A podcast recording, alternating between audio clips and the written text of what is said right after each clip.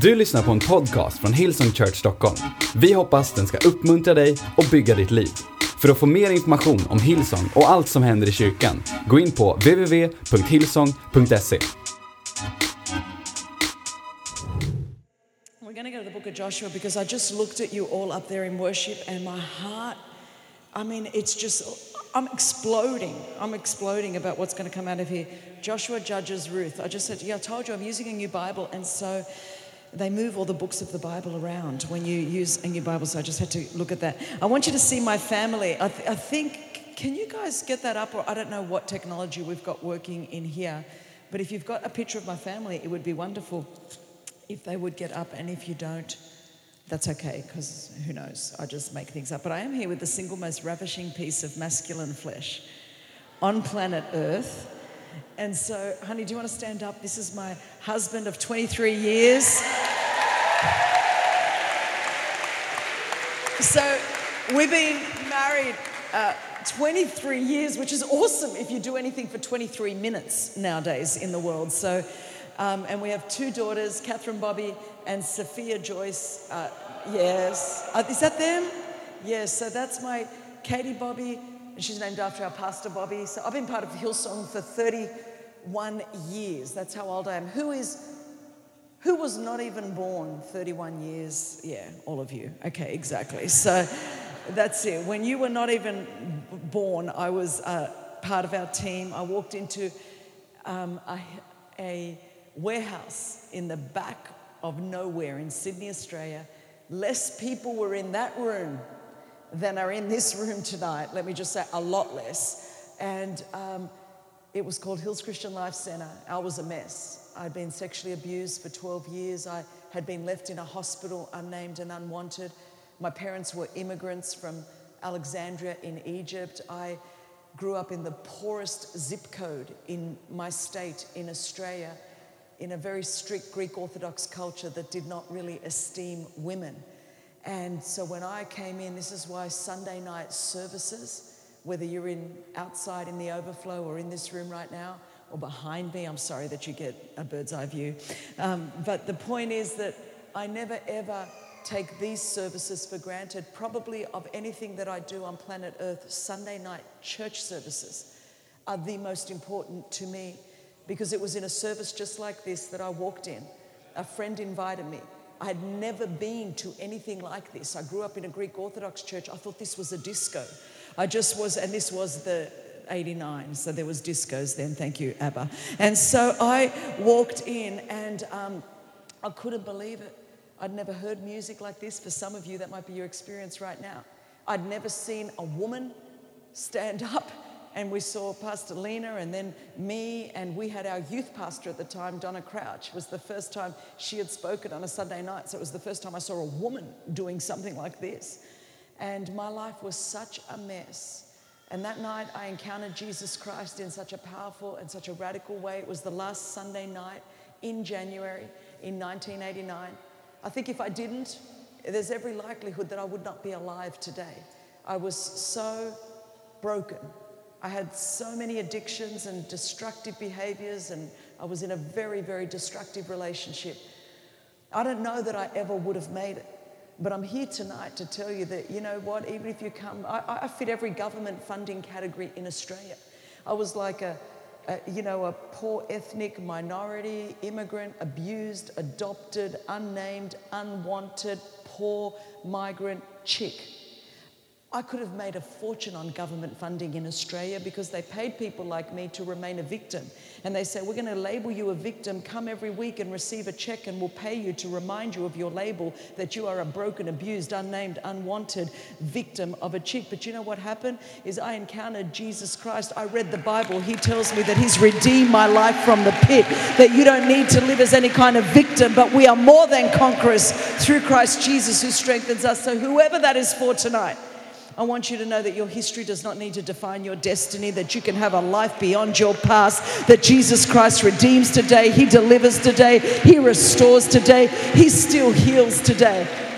You can't make this stuff up. And that chick who was left in a hospital, no name, is sitting here on a Sunday night in Stockholm, Sweden, in a cathedral. Listen, if you don't believe in God, this should make you believe in God enough. You cannot even make this kind of stuff up. But not only did Jesus rescue me and redeem my life from a background of abuse and abandonment, not only did He set me free, but then He enabled me to open the prison doors and through the work of A21 to set slaves free all over the world today. That's the kind of redemption that Jesus Christ does. He doesn't just restore your life, but He uses you to bring hope and life and liberty and freedom. Uh, let me just say, I sense that we are on the edge of something so fresh in Sweden, so new. I've been coming for 20 years, so I'm not just making this up. If I was just like a, a flyby preacher, I wouldn't be listening to me either if I was you. You've had a lot of preachers in um, Sweden. You've had a lot of people come in and come out. I understand why you would be cynical. I understand why you would think, I don't want to listen to any more of these preachers, but I've been coming for 20 years. And so it shows you that I'm, I, I love your nation, that I believe God wants to do awesome. So when I say to you, there's something different this year, I want you to hear there is something that has shifted. Sometimes things happen in the heavenlies and in the spirit that you don't see in the natural yet. Now, we're already seeing this in the natural. People would never have believed this was possible. But the fact is, we're already seeing it. What just happened at youth camp this week, supernatural, just unbelievable. It is awesome. The kind of church that we are building with the people that love the house of God and building campuses all around the nation. We're seeing seeds and, and the foundation of what God wants to reestablish in this nation. And it was like when I was coming over, I felt the Lord say, you know, it's time that we're going to redig some of these old wells and rename them what they were. There's a lot of history. We're in a, a cathedral. I'm seeing things from 1802 and, and, and years ago. We're surrounded by so great a cloud of witnesses in this place. And it's time for us to redig some of those wells, to name them what they were named, and to reclaim the provision that God had for us. And out of here will continue to go a fire. So, what happens when you're on the edge? Of revival? What happens when you're on the edge of possessing the thing that God has prepared for you? The children of Israel, they had spent um, 430 years in slavery, 430 years in bondage. We can feel a little bit like that the church in Sweden over the, the last, you know, many, many decades, you kind of go, well, what, what has happened? There was this fire, there was this life, and then it just seemed like bondage. And what happened? And it was just kind of shut down. Well, the children of Israel were in bondage 430 years of slavery. The Lord did miracles, signs, and wonders, and He set them free. I mean, miracles parted a Red Sea, and they walked out, provided manna from heaven for 40 years. The Bible says that, you know, the children of Israel, they didn't have to worry about what they were going to eat, what they were going to wear. They, they didn't even change their shoes. I mean, that's very boring for a woman, but you know, I mean, but basically, that's kind of what happened um, during all of that time. And then the fact was, even though God had done so many miracles for them, a generation didn't even acknowledge the miracles that God had done. And they died in the wilderness because of a lack of faith, because they murmured, they grumbled, they complained, and they were full of unbelief. This morning I talked about the sin of unbelief and the fact that unbelief can quench a move of God. Unbelief can quench miracles of God. And unbelief, I'm not talking about the unbelief of an unbelieving world. That doesn't stop God moving. It's the unbelief of the people of God that stop God moving. It's the church that either enables a move of God or quenches a move of God. It's the unbelief of the people that are familiar with the things of God that causes a move of God to be quenched. And so, what happened with the children of Israel? They'd seen all the miracles. We've seen a lot of miracles in this nation historically. But a generation died in the wilderness because they simply were full of unbelief. They wanted to go back to Egypt and they didn't believe that God would take them out into the promised land. Now, the issue is when they were in slavery, a physical slavery, they were beaten, they were treated obviously like slaves for 430 years. When they came out of slavery into the wilderness, at that moment, they were delivered, they were not free. They were delivered from the physical bondage of slavery. A lot of us, we experience that in our Christianity. I came from a background of abuse. Jesus set me free. I was delivered from a physical bondage. I was no longer in a situation where I was being abused. Some of you have been delivered from drugs. You're no longer taking drugs or addicted, uh, you know, a porn addiction or whatever it might be. You would, God delivered you. Something happened and you were set free or you were delivered. But you still haven't stepped into the freedom that God has for you. See, there's a big difference between deliverance and freedom. Egypt is slavery, the wilderness is deliverance, Canaan was freedom. Very few Christians cross from the wilderness into Canaan to find freedom. Very most Christians live delivered but never free. And if we are going to step into the fullness of what God has for us, we don't want to just be delivered, we want to be free. We want to lay a hold of Canaan. A lot of people with my kind of background never walk free. They're delivered, no longer being abused, but just like the children of Israel, God brought them out of Egypt, but Egypt stayed in them. And there's a lot of us that have been delivered from things, but you would never know because those things have still got you. You still think like a person that was abused. You still think and you still act like somebody that was in a different situation. And there comes a time if you and I are going to walk into the fullness of what God has for us, we've got to walk into our spiritual Canaan, which, of course, in the New Testament is found in Christ. That's where our freedom is. It's not a physical land, it's a spiritual position in Christ. And most Christians do not step into the freedom that is theirs in Christ. They live a Christianity so far beneath the promise that God has for them. They live delivered, but not free. So we get to Joshua chapter 5 in the scripture. After a generation came out of bondage, came out of slavery, died in the wilderness because of unbelief, and there's a spiritual death that has happened amongst a generation. Now, I'm not just talking about old people. A generation, according to the dictionary, is a group of people that are alive at the same time. So if you woke up this morning and there was not a white chalk mark around your body, it means that you're alive. That's what I'm trying to tell you. It means that you've still got a future and a destiny. Uh, hands up if you woke up this morning and you were breathing.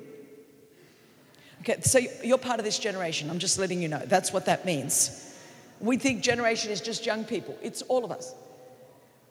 But the fact is that you can die within a generation if you don't keep believing God for the promise of freedom that He has, and while we're still alive, there's always more in Christ. In Christianity, we go from faith to faith, we go from glory to glory, we go from grace to grace. There is no arrival this side of heaven. It's not like, whoa, I'm here, I've arrived. We don't arrive till that sky splits and He comes back or until He raises us up again and we are face to face with our Savior. That's when we arrive. Until then, we've still got a job to do. Until then, we're being sanctified through and through and becoming more like Christ. Until then, we continue to be conformed and transformed to the image of Jesus Christ. We keep going. There's more land to take, there's more freedom to attain, there's more ground to possess this. That's what we talk about when, as a church, we're being raised up and we're going to keep moving. We don't stop.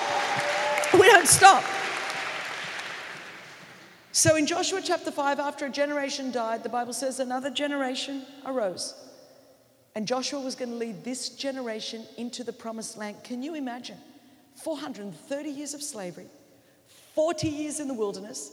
So now we're 470 years. And finally, they're about to go in to possess the promised land.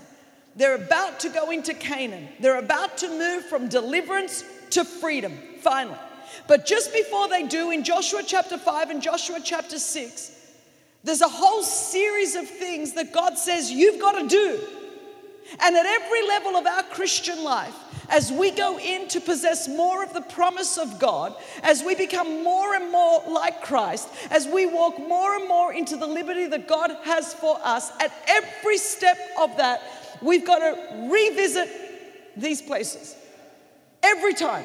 I have to do it at 53 years old. Every time God wants to take us to a new level, every time God wants to give us more land, we have to go through these things all over again. All over again. And this is what happened to the children of Israel. This is what the Lord said to them in Joshua 5. So, Joshua and Caleb, the only two that came out of slavery in Egypt, survived the negativity in the wilderness. These two were now going to go into the promised land. And the Bible says And we'll pick it up in verse, verse 1. As soon as all the kings of the Amorites who were beyond the Jordan in the west, and all the kings of the Canaanites who were by the sea, heard that the Lord had dried up the waters of the Jordan for the people of Israel until they had crossed over, their hearts melted. And there was no longer any spirit in them because of the people of Israel. At that time, the Lord said to Joshua, Make flint knives and circumcise the sons of Israel a second time. Only I would be a woman that would pick a scripture on circumcision in a cathedral in the middle of Stockholm. Praise the Lord. So Joshua made flint knives and circumcised the sons of Israel at Gibeath Harloth. This is when I'm very glad that I'm a woman. And this is the reason why Joshua circumcised them. All the males of the people who came out of Egypt, all the men of war, had died in the wilderness on the way after they had come out of Egypt. Though all the people who came out had been circumcised, yet all the people who were born on the way in the wilderness after they had come out of Egypt had not been circumcised. I mean, we could go on. There's a lot of cutting happening here. There's a lot of cutting happening for a Sunday night. But essentially, I hope I've still got you in the overflow because I know this is scary. So, what happened was there was a generation. Hello, how are you all? You're the good looking ones. That's awesome. Okay, there was a generation that came out of Egypt, out of bondage, out of slavery. That generation had had a cutting away. That generation had had a circumcision. That generation had paid a price. But now to go into the promised land, the Lord said to Joshua, we need to circumcise this next generation. We need to circumcise the sons of Israel again the second time. What he was essentially saying was a generation came out of bondage and out of slavery, and they had paid a price, they had had a cutting away. But now another generation was going to go in to possess the promised land, but they could not go in and possess the promise based on the price that was paid by the generation before them. They had to pay their own price, there had to be their own cutting. There has to be a cutting. I'm saying this to you. What we see today, it didn't just happen. A generation has paid a price for you to be sitting here today. A generation has paid a price so that we could have this cathedral. A generation has paid a price so that we could have this kind of worship today. But the fact is, you are not going to possess the promise that God has for us as Hillsong Sweden unless you yourselves make a decision. I'm going to pay my own price. I'm going to have my own cutting away. I'm going to go in and possess what God has. Let me give you a New Testament scripture for this. The Bible says in the book of Hebrews that, therefore, then, since we are surrounded by so great a cloud of witnesses, let us also lay aside the weight and the sin that so easily ensnares us so that we can run unhindered the race that is set before us. Now, the fact that the writer to the Hebrews says weight and sin suggests to me that there's a difference between a weight and a sin. You see, sometimes we don't go in and enter into the fullness of the promise that the Lord has for us. And maybe it's not a sin that's in our life, it's a weight. And you go, Christine, what, what do you mean a weight? Well, a weight could be the kind of people that you're hanging out with. They could be good people. Maybe they even led you to the Lord. But the truth is, you get into a faith environment like this, you take 10 steps forward, and then you get around those people and they start saying to you, You don't need to be so committed. You don't need to serve so much. You don't need to give so much. You don't need to be there so. You don't need to. And you've just taken 20 steps back. Those people that once helped you have now become a weight, an anchor. It, it could be unsafe people, and we all want to have relationships with people that are far from God. But if you are getting your wisest counsel, your most intimate advice, from people that are not going in the same direction as you, they're becoming a weight. It could be a level of giving. You've been giving at this level and it's good, it's not a sin. But the truth is, your next level of financial breakthrough is to begin to give at this level. So now, if you keep giving at this good level, it's become a weight, an anchor. Anytime Nick and I want to expand the work of A21, and we need millions to open new offices around the world, it doesn't just happen. Court cases cost tens of thousands, hundreds of thousands in many cases of dollars in order to put prosecutors. It doesn't just happen. But we understand that if we want to see growth, it's not everybody else, it's not how much everybody else gives to us that determines the growth of A21. It's our giving that determines how far A21 is going to go at every level. It doesn't stop at any level. It could be a level of serving. You've been serving at this level and it's good.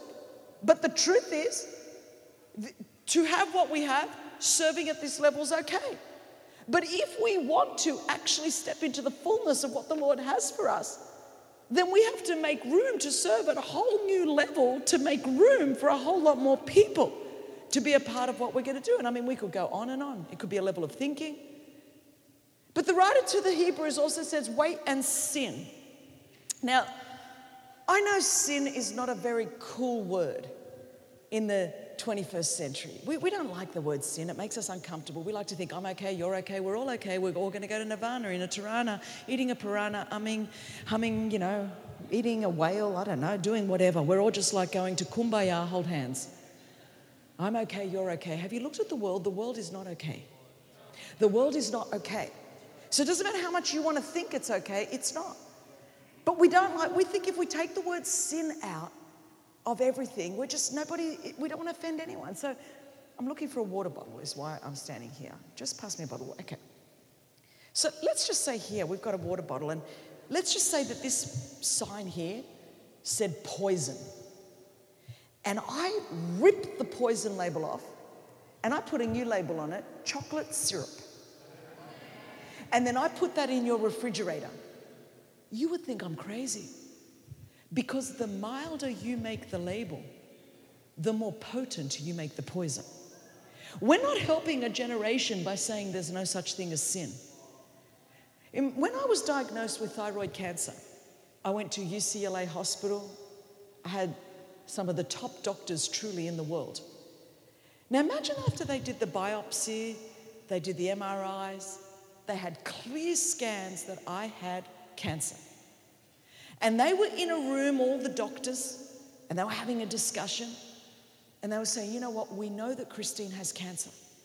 We can see it, it's there. And you know what? We actually know that for her type of cancer, there is a really, really good chance that through medical treatment, she will be cured.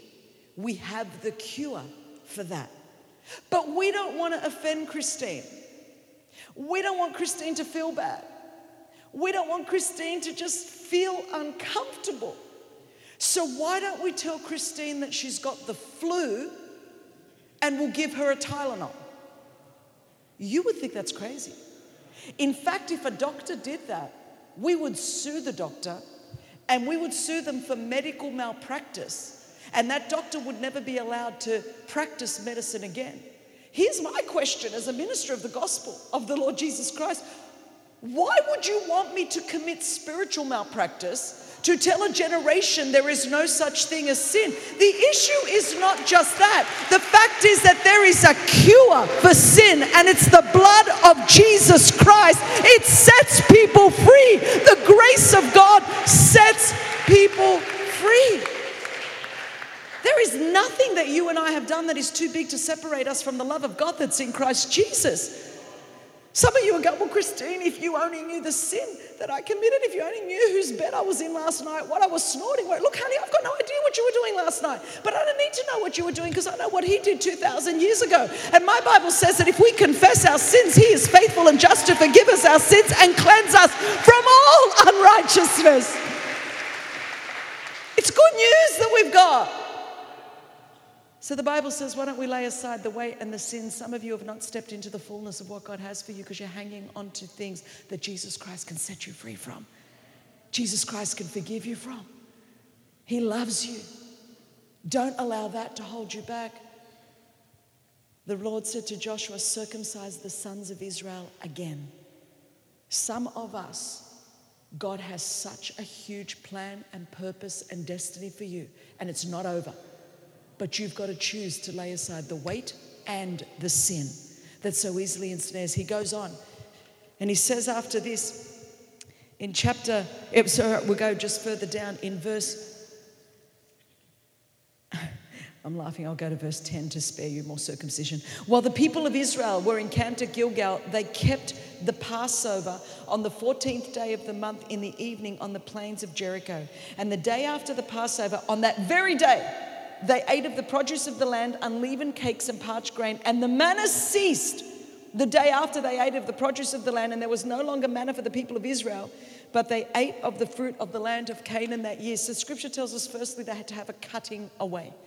The second thing the Bible says is that they kept the Passover.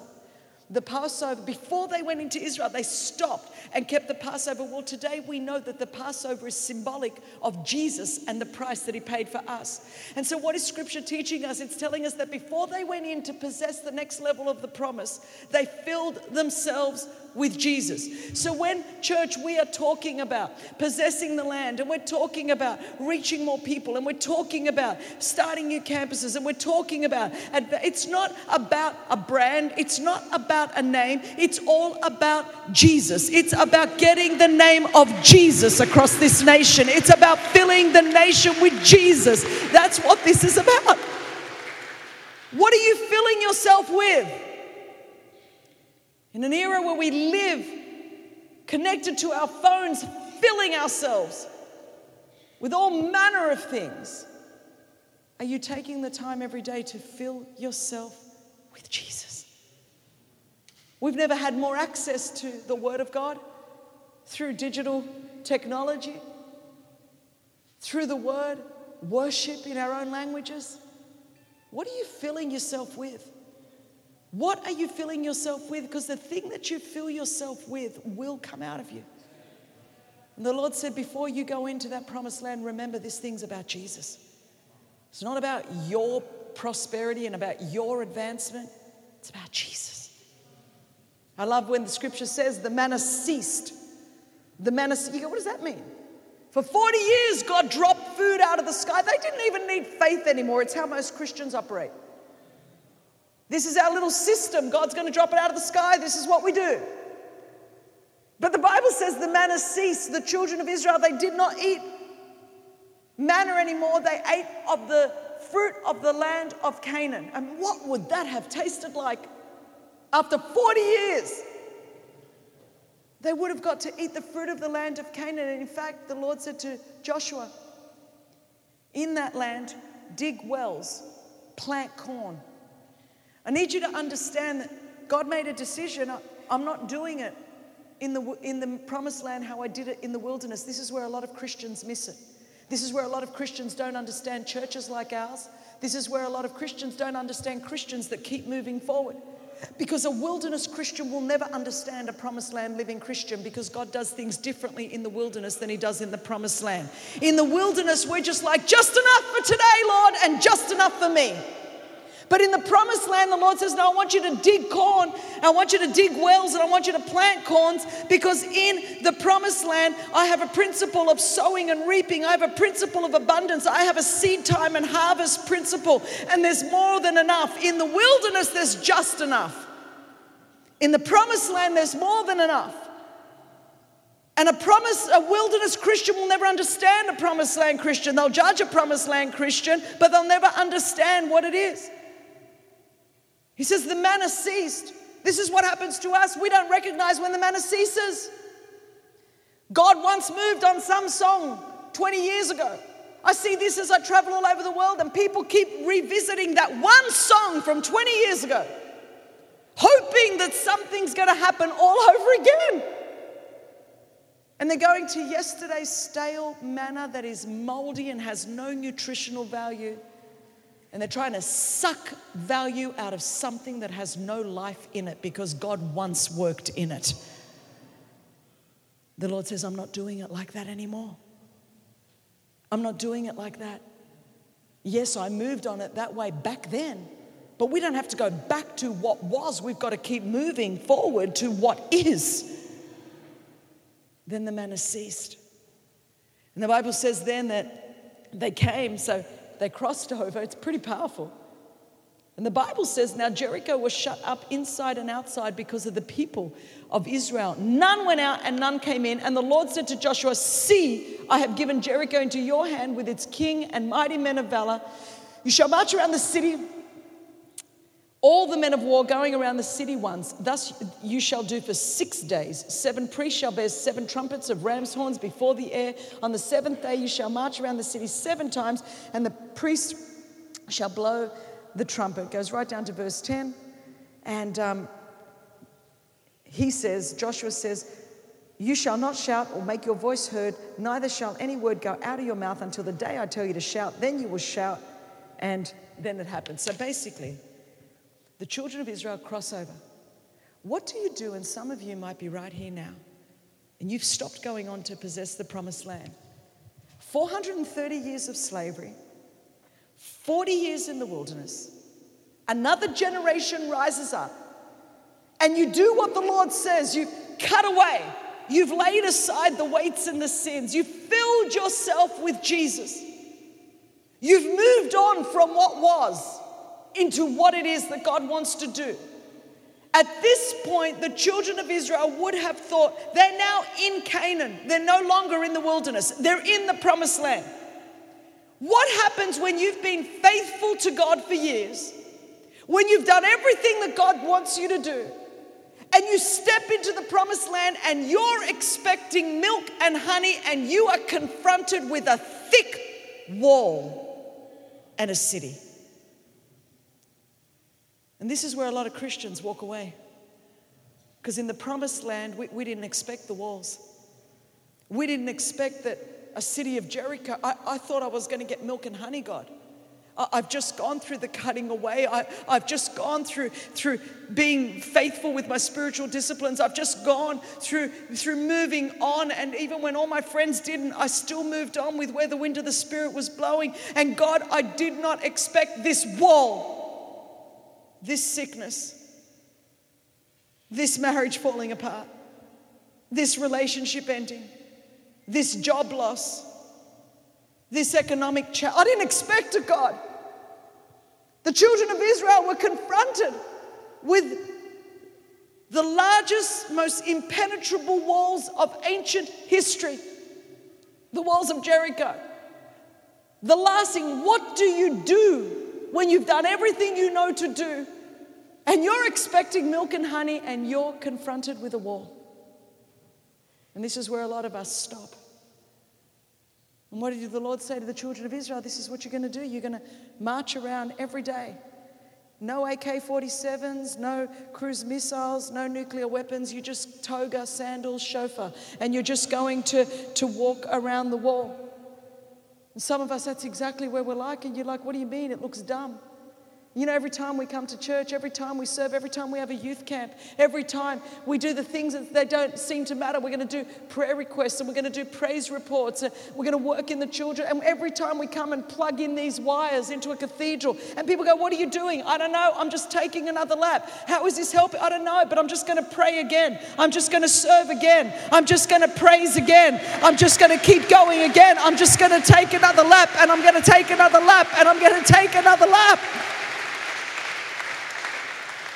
And the key to it all is the Lord said, I don't want you to, this is what you're going to do. You're going to take these laps, and on the seventh day, you're going to do a sixth time, then you're going to shout, the wall's going to come down. And I could imagine Joshua going, God, is there any plan B? Do you have a better plan? And I imagine he's thinking, I've been here before. And the last time I went back, and gave them the strategy, they started murmuring, grumbling, and complaining. And we ate manna for 40 years. I've been there, God. I've got the t shirt, I've got the DVD series. I, I know where this is going. So Joshua came to the people because oftentimes when our leaders give us a battle plan, we think it's our job to tell them how dumb the plan is, as if we haven't already told God we think it's dumb. But God always gives unusual strategies to take cities. God always gives us unusual strategies to take nations and to see walls come down. And so Joshua knew I, last time took 40 years. Last time in Sweden would be a generation. 40 years, promises spoken. There it is. And it should have happened. They were standing at the same spot that they stood 40 years ago. It's exactly where they stood. The generation before them should have gone in, but didn't because of the negativity, the unbelief, and the fear. We've been here before, Sweden. It's not our first time. But the thing that's going to make the difference, if we're going to be the generation that's going to go in and possess it, is I think Joshua's strategy was the strategy. He came back to the people, and this is the new Christine Revised Standard Version. He came back and he said, Thus saith the Lordeth, shutteth uppeth.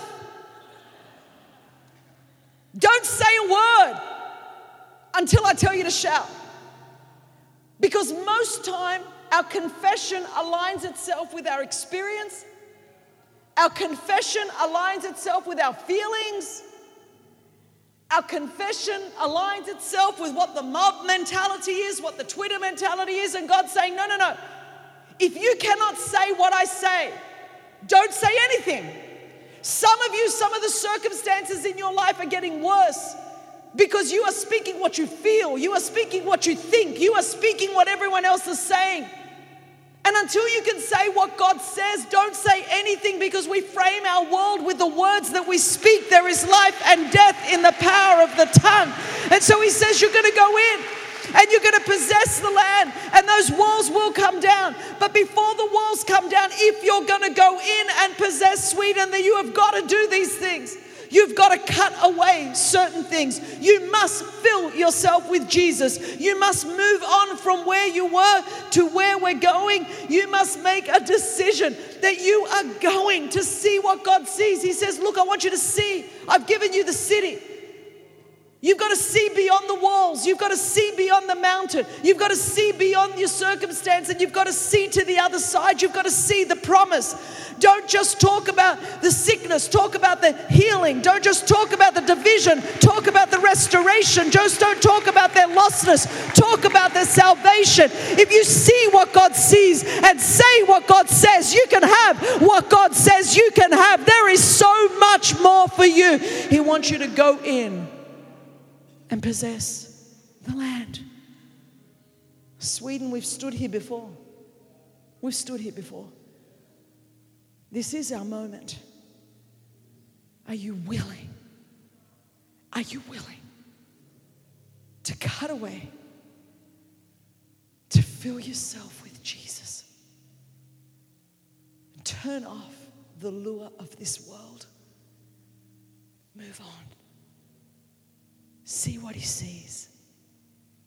Say what he says. And have what he says you can have. And that revival fire will spread from this land to the nations of the world if you are willing to pay your own price in your generation, for your generation, to carry the flame to the nations and the generations. In Jesus' name. In Jesus' name. In Jesus' name. Friend, I, I wonder if you know this Jesus that I'm talking about tonight. Not do you know about him, but do you know him, whether you're in this room, in the overflow, sitting right here behind me. It's one thing to know about God, it's a whole other thing to know this God. Friend, I'm the girl that was left in the hospital unnamed and unwanted. I'm the kid. My birth certificate does not have a name on it. It says child's name unnamed, number 2508 of 1966. I'm the kid that was sexually abused for over a decade. I should have been a statistic, but I'm living proof that in and through a relationship with Jesus Christ, you can start bad and you can finish good. Jesus Christ is alive. Jesus Christ restores. Jesus Christ saves. Jesus Christ heals. Jesus Christ loves you. He loves you. So, wherever you've been, whatever your background is, I want you to know that He's calling you home tonight. Only Jesus Christ died on a cross and rose again from the dead so that every single one of us, without exception, can have forgiveness for our past, a brand new start today. That's the promise of the gospel. You don't have to wait for one day when you die. Today, here on earth, you can know new life. and have the promise of an eternal hope and future with Jesus. You were created by God for a relationship with God. It's Jesus that connects us to God, and it's Jesus that connects us to the grace of God. And tonight, friend, wherever you are, from the front to the back, from the left to the right. Du har lyssnat till en podcast från Hillsong Church Stockholm. Om du vill veta mer om vår kyrka eller om våra söndagsmöten, surfa in på www.hillsong.se.